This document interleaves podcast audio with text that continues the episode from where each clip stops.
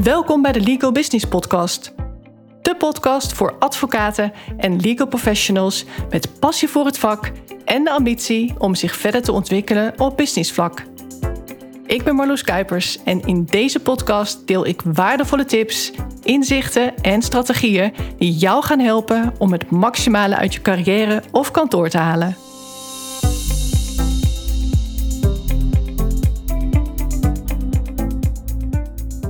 Het jaar is bijna voorbij. In mijn beleving is het echt voorbij gevlogen. Nou, als je dit luistert, dan zijn de kerstdagen al voorbij. Ik hoop dat je gezellige kerstdagen hebt gehad. Anders dan je misschien gepland had, door de strengere maatregelen. Maar ik hoop dat je vooral hebt kunnen genieten van wat wel kon. Het heeft ook weer een voordeel dat niet geleefd worden door allerlei feestjes en visites. Er zijn er genoeg die er stiekem blij mee zijn, denk ik. Misschien heb je zelfs twee weken vrijgenomen. Ik hoop dat je dan ook echt vrij bent. Maar dat is altijd lastig voor veel advocaten. Het is namelijk heel verleidelijk om toch weer even achter die laptop te kruipen en aan het werk te gaan. Al is het maar even voor je gevoel. En ik zal ook de laatste zijn die gaat zeggen dat je dat absoluut niet moet doen. Want er zijn geen standaard regels. Iedereen is anders. Als jij nou juist absoluut niet kunt ontspannen door het niet weten van wat er in jouw inbox gebeurt, hoe waardevol is dan mijn dringende advies om bijvoorbeeld twee weken mailvrij door het leven te gaan? Je bent daar dan toch niet echt van aan het genieten. Maar voor een ander is dat weer precies wat ze moeten horen. Een soort van toestemming hebben om de boel eens even de boel te laten gedurende twee weken. Zij willen het eigenlijk heel graag kunnen, hè, dat volledige uitchecken, maar ze mogen het niet van zichzelf. En dat is een groot verschil met het echt niet willen, hè, die complete werkstop. En juist daar dus onrustig van worden. Als je een out-of-office reply aan hebt staan, betekent dat dat je prima twee weken jouw zakelijke mailbox niet kunt checken. Maar dat kan natuurlijk wel consequenties hebben. En die moet je wel aanvaarden. Je kunt bijvoorbeeld een nieuwe zaak mislopen. Gedurende de feestdagen is de kans klein dat er zich echt iets spoedeisends voordoet. Al zijn er natuurlijk altijd mensen die het leuk vinden om iemand juist vlak voor de kerst te dagvaarden. Tja, die heb je altijd. Maar in de regel is het rustiger. En als jij goed met jouw cliënten communiceert, dat je er twee weken niet bent bijvoorbeeld, en het liefst ook nog voor achtervang zorgt op kantoor, dan kan er weinig gebeuren. Geniet er dan ook van, zou ik zeggen. Even niets hoeven. En mocht je toch willen werken, neem dan de tip over die ik een advocaat die ik coach van de week gaf. Als je toch je mailbox wilt checken, prima, maar haal wel die mail-app van je telefoon gedurende jouw vakantie. Dan voorkom je die sleur van het toch weer even checken. En die zwaailichten, die moet je al helemaal uitzetten. Ik weet het nog van toen ik een Blackberry had, jaren terug. Dat rode lampje werkt echt als een rode lap op een stier. Very hard to ignore. Wat ik hem ook adviseerde was om op vaste momenten even zijn mail te checken, achter zijn laptop. Zelfs als hij dan nog wat wil oppakken. All good, maar alleen op dat moment. En daarna is het laptop dicht en volle aandacht voor zijn gezin. Of voor wat je dan ook maar doet ter ontspanning. Dat kan ook een boek lezen zijn of een goede film of serie kijken. Being present is zo belangrijk. Ga geen dingen half doen, maar doe alles met volle aandacht. Ik kan hier legio voorbeelden van opnoemen. Bellen en ondertussen de deur uitgaan. Je kent het wel, auto in, opstarten, wegrijden en onderweg zijn. En dan nog opletten op wat er gebeurt hè, op de weg. En je hoort iemand dan misschien wel praten, maar je luistert niet echt. En het komt al helemaal niet binnen wat diegene zegt. Denk maar eens goed na. Als iemand jou iets belangrijks vertelt aan de telefoon, terwijl je ook met iets anders bezig bent, dan komt zowel een hele positieve boodschap als een hele vervelende boodschap minder binnen dan wanneer je met volle aandacht luistert.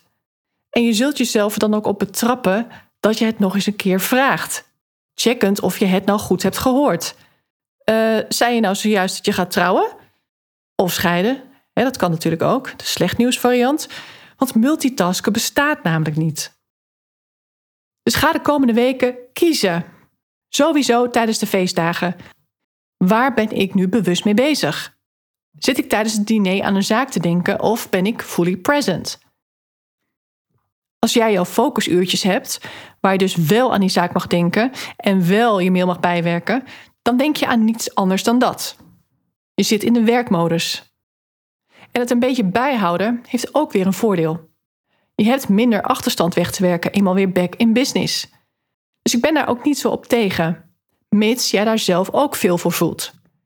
Als het ook jouw voorkeur heeft. Maar dan zeg ik dus wel: scheid werk en privé. Je bent of in de werkmodus of je bent in de ontspanningsmodus. Ga het niet mixen. Als jij daarentegen al langere tijd juist zwaar op je tenen loopt, dan is het wellicht juist heel verstandig om twee weken helemaal uit te tunen. Niets doen wat ook maar enigszins werkgerelateerd is. Maar wat raad ik je dan aan om wel te doen gedurende deze laatste week van het jaar? En dat geldt ook voor het begin van het nieuwe jaar, mocht je deze aflevering wat later luisteren.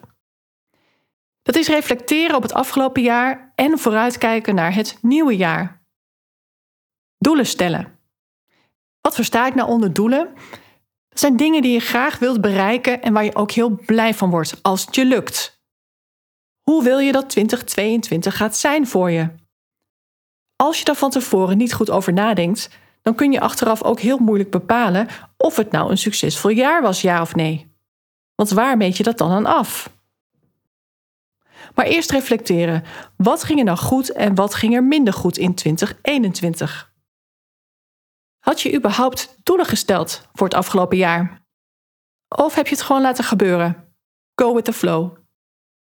En zo ja, wat heeft dat je gebracht? Wil je dat voor het komende jaar net zo doen of toch anders? Wellicht wil je toch meer structuur, meer rust daarmee creëren misschien wel. Het hebben van een plan geeft ook rust. Tenminste, als je een bepaald ambitieniveau hebt. En dat kan op allerlei vlakken. Hè? Dus denk vooral niet alleen maar aan meer omzet, harde businessdoelen of hè, die carrière stap of die bonus willen binnenhalen. Een doel kan ook zijn: ik wil minder werken en meer tijd besteden aan mijn gezin. Of meer tijd hebben voor mezelf of voor een nieuwe hobby. Of ik wil productiever zijn en op die manier meer gedaan krijgen in minder tijd, waardoor ik meer tijd overhoud voor andere dingen. Nog een doel. Ik wil mij gaan ontwikkelen in leiderschap, zodat ik meer gedaan krijg met of via anderen. Bijvoorbeeld in samenwerkingen op kantoor, maar ook soepelere werkrelaties met cliënten. Of ik wil beter worden in communicatie en in relatiebeheer. Hoe kan ik een betere werkrelatie opbouwen met mijn cliënten? Zodat ik daar niet alleen meer voldoening uit haal, maar daar ook meer werk uit haal, in plaats van mij vooral te richten op het binnenhalen van nieuwe cliënten. Of je wilt juist wel beter worden in acquisitie. Als je het gevoel hebt dat je maar wat doet nu, of dat het je nu heel veel tijd en energie kost. Het doel kan dan zijn om een methode te vinden die perfect bij jou past en bij jouw doelgroep, zodat je moeitelozer en met meer plezier nieuwe cliënten binnenhaalt. Het valt je misschien op dat ik steeds zodat zeg. Want dat is een heel belangrijk aspect van een doel stellen. Waarom stel je jezelf dat doel? Waarom zou je aan het doel gaan werken? Wat levert het je op? Dat moet je duidelijk hebben, want anders is er geen motivatie. Het gaat dan om het belang achter het belang in feite. Waarom zou je goed willen worden in acquisitie bijvoorbeeld? Je wilt nieuwe cliënten binnenhalen, dat is het primaire belang, maar daar zijn meerdere wegen voor. Waarom zou je het willen leren? Nou, misschien omdat de manier waarop je aan cliënten komt belangrijk voor je is. Anders zou je het ook kunnen uitbesteden. Wat je dan vaak ziet is dat de prospects vaak toch geen ideale match zijn. Er is niemand die jou zo goed kan verkopen als jijzelf. Er is niemand die eventuele bezwaren echt kan wegnemen.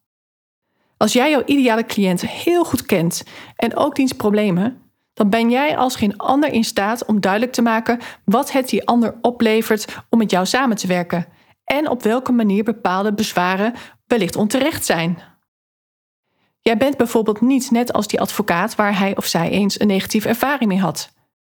Een advocaat die voor geen meter communiceerde en met een vork schreef, ik noem maar wat. En dat goed worden in acquisitie is dus een heel waardevolle skill om te leren. Want ben je er eenmaal goed in, dan gaat het ook vrij moeiteloos. Even terug naar het reflecteren. Je kunt het zo uitgebreid doen als je wilt, maar beantwoord in ieder geval de volgende twee vragen. Vraag nummer 1. Terugkijkend op het afgelopen jaar. Wat waren jouw grootste uitdagingen in 2021, hè, zowel zakelijk, qua werk als privé? Vraag nummer 2. Wat waren de beste momenten van 2021? Groot of klein? En om je geheugen weer even op te frissen, kun je even door je agenda bladeren of door je foto's scrollen op je telefoon. Of kijk anders even op je tijdlijn, op je social media profielen. Ga eventueel per maand wat opschrijven. Wat was nou het hoogtepunt of dieptepunt van elke maand? Of allebei? Het geeft jou heel veel inzichten, want je gaat zo verbanden zien van waar je een hekel aan hebt, zonder dat je het doorhad wellicht, want waar heb je bijvoorbeeld heel vaak ja gezegd, terwijl je eigenlijk liever nee zou willen zeggen? Schrijf het allemaal op. En dan is het tijd om vooruit te kijken naar de toekomst. Wat zou je graag willen bereiken in 2022? Er zijn eigenlijk vier hoofdcategorieën te onderscheiden die voor mensen bepalend zijn voor hun geluksgevoel. Allereerst gezondheid. Wat wil jij bereiken op gezondheidsvlak? Hoe wil jij je voelen? Bijvoorbeeld, ik wil mij meer ontspannen voelen. En hoe wil je dat dan gaan realiseren? Dat kan zijn door elke dag 15 minuten te wandelen in de frisse lucht, meer me-time te hebben. Te werken aan je geluksgevoel. S'avonds 10 minuten mediteren. Minimaal 7, 8 uur slapen per nacht.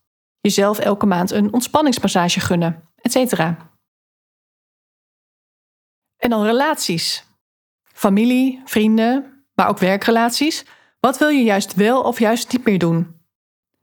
Met wie wil je meer tijd doorbrengen en met wie juist minder tijd? Wellicht wil je nieuwe mensen leren kennen. Zo ja, waarom en wie zijn het? Wat gaan ze toevoegen aan jouw leven? En dan tijd. Hoe wil je jouw tijd gaan besteden? Waaraan en met wie? Hier valt zowel werktijd onder, maar ook tijd met familie, met vrienden en met nieuwe mensen. En niet te vergeten, me-time. En tenslotte financieel. Ben je tevreden met jouw huidige financiële situatie? Heb je wellicht nog een studieschuld of andere financiële verplichtingen die echt drukken? En kun je daar wat aan doen? Maar ook wat zou je nou concreet willen doen met jouw geld? Nu, of over twee jaar, of over vijf jaar, of tien jaar? Waar werk je eigenlijk voor? Dat is interessant om over na te denken. Het kan ook echt motiveren. Je weet waar je het voor doet. Staat er iets op jouw wishlist wat je heel graag zou willen doen, maar toch nog niet doet of nog niet kunt doen misschien? Hoe kun je er nou voor zorgen dat je zoveel mogelijk nu al kunt ervaren, en dat wil zeggen voelen, wat je later hoopt te ervaren? Ook hier weer geldt dat je op zoek moet naar het belang achter het belang. Je wilt minder werken, zodat je kunt reizen misschien. Maar waarom wil je reizen? Voor het ultieme gevoel van vrijheid misschien. Hoe kun je dan nu al dat gevoel van vrijheid ervaren? Is dat door vaker even kort weg te gaan? Of vaker onverwacht een middag vrij te plannen? Gewoon omdat het kan. Ik wil je echt aanmoedigen om zoveel mogelijk in het nu al een beetje te creëren wat je eigenlijk in de toekomst in veelvoud wilt gaan ervaren. Dat besef heb ik des te meer nu precies een jaar geleden een van mijn beste vriendinnen is overleden. Tussen kerst en oud en nieuw. Ze werd ziek, ze had een vrij zeldzame en agressieve vorm van kanker. En binnen vier maanden na de start van de behandelingen is ze overleden. En ze was ook ondernemer en ik weet nog wat ze nog eens wilde gaan doen, ooit. Een bed and breakfast beginnen, het liefst in een warm land. Een aantal jaren geleden was ik precies in deze tijd met haar in Dubai en Abu Dhabi om kerst en oud en nieuw te vieren. Dat komt nu steeds voorbij op mijn iPhone als herinneringen. Zo bizar. Toen had ze geen flauw idee dat ze nog maar een paar jaar te leven had. En kijk, je kunt natuurlijk niet gaan leven alsof je nog maar kort te gaan hebt. Dat is niet realistisch. Maar je kunt je wel bewuster zijn van het hier en nu. Waarom doe je wat je doet? Als advocaat zit je sowieso heel veel in je hoofd. Vaak ben je ook bijzonder ambitieus om doelen te behalen. Maar het zijn vaak geen bewust gekozen doelen. En dat is het verschil. Je zit in een doelmodus en gaat maar door, zonder echt na te denken over wat je nou eigenlijk aan het doen bent. Does it spark me joy? Om maar even die quote van opruimgoeroe Marie Kondo te gebruiken. En dat geldt ook voor mezelf. Want als ik terugkijk naar mijn jaar als advocaat, heb ik soms veel te veel geduld gehad. Of veel te veel berust in een situatie die niet naar mijn wens was. Ik ben geen klager en ik kijk altijd naar het positieve. Ik val zeker niet in de categorie dat het gras bij de buren vast groener is. Ik ben mentaal ook heel sterk, waardoor ik veel dingen lang kan volhouden. Waar ik juist merk dat anderen heel snel denken: ik heb er geen zin meer in, de mazzel. En dat ze heel ongeduldig zijn omdat dingen niet gaan zoals ze zouden willen. Ik zeg wel eens tegen advocaten die van het ene naar het andere kantoor gaan en dat ook nu weer willen doen: je neemt jezelf mee. Waarom wil je nu weer weg? Soms is er een hele legitieme reden, maar het moet meer zijn dan een onrustig gevoel. Want dan moet je niet van werkgever of carrière switchen, maar allereerst wat aan dat gevoel gaan doen. Waar komt dat vandaan? Maar van dat snelle handdoek in de ring gooien ben ik dus juist niet. En als ik nu terugkijk, dan denk ik bij veel dingen juist. Ik was maar aan het hopen dat iets zou veranderen. Ik stak daar zoveel energie in. En dat was allemaal te vergeefs, want het is nooit veranderd. Het was trekken aan een dood paard. En dan is er het besef, ik had toen mijn conclusies al moeten trekken. Ik weet nu veel beter dat sommige dingen niet gaan veranderen. Ik herken die signalen veel beter.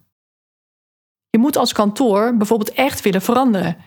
Er moet een bepaalde mate van zelfinzicht zijn en de wil om het beter te doen.